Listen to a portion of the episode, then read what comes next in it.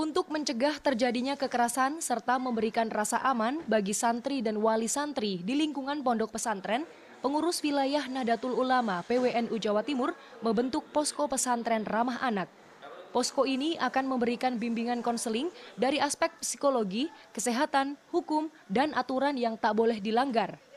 Di dalamnya berisi psikolog, lembaga penyuluhan dan bantuan hukum, lembaga pendidikan, dan organisasi pemudi Islam. Sejauh ini jumlah posko yang terbentuk sekitar 80 hingga 100 di Ponpes di bawah naungan Nahdlatul Ulama. Posko akan diresmikan pada pekan depan. Posko pesantren ramah anak ditargetkan akan dikembangkan bertahap di ribuan ponpes di bawah naungan Nahdlatul Ulama. Ya kalau ini kalau bahasa Arabnya. Di situ akan kita akan lakukan bimbingan konseling, masuk-masuk kelas dan kita akan kumpulkan bareng-bareng tidak sekedar penyuluhan, jadi juga kita ada aksi-aksi, aksi misalkan bagaimana sebetulnya soal bully misalkan, bullying. Ini kan bibit-bibit dari kekerasan, kekerasan verbal. Soal kategori yang dianggap pelecehan seksual misalkan, ini kategorinya apa? Karena kita sudah ada rumusannya tentang secara normatif. Nah ini yang kita akan sosialisasikan, bahasa pesantrennya kita terbiahkan.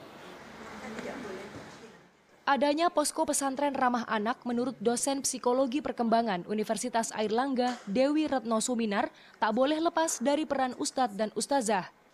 Mereka sebagai orang tua santri selama di Ponpes harus memahami tahapan perkembangan anak sebagai dasar dalam pengasuhan.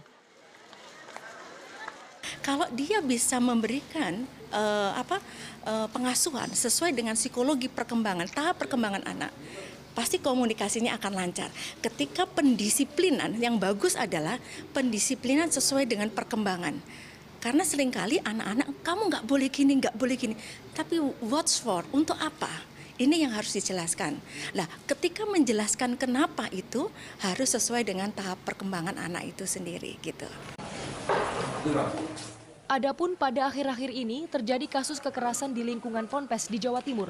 Seperti kekerasan seksual di Ponpes Sidikiah Jombang yang dilakukan anak pengasuh Ponpes dan kini dalam tahap persidangan. Kasus bermula pada laporan salah satu santri pada 2019 lalu. Sementara kasus kekerasan fisik di Pondok Modern Darussalam Gontor Ponorogo yang dilakukan santri hingga mengakibatkan satu santri lainnya meninggal dunia pada Agustus 2022. Kanzata Marindora, Agadipa, Surabaya, Jawa Timur.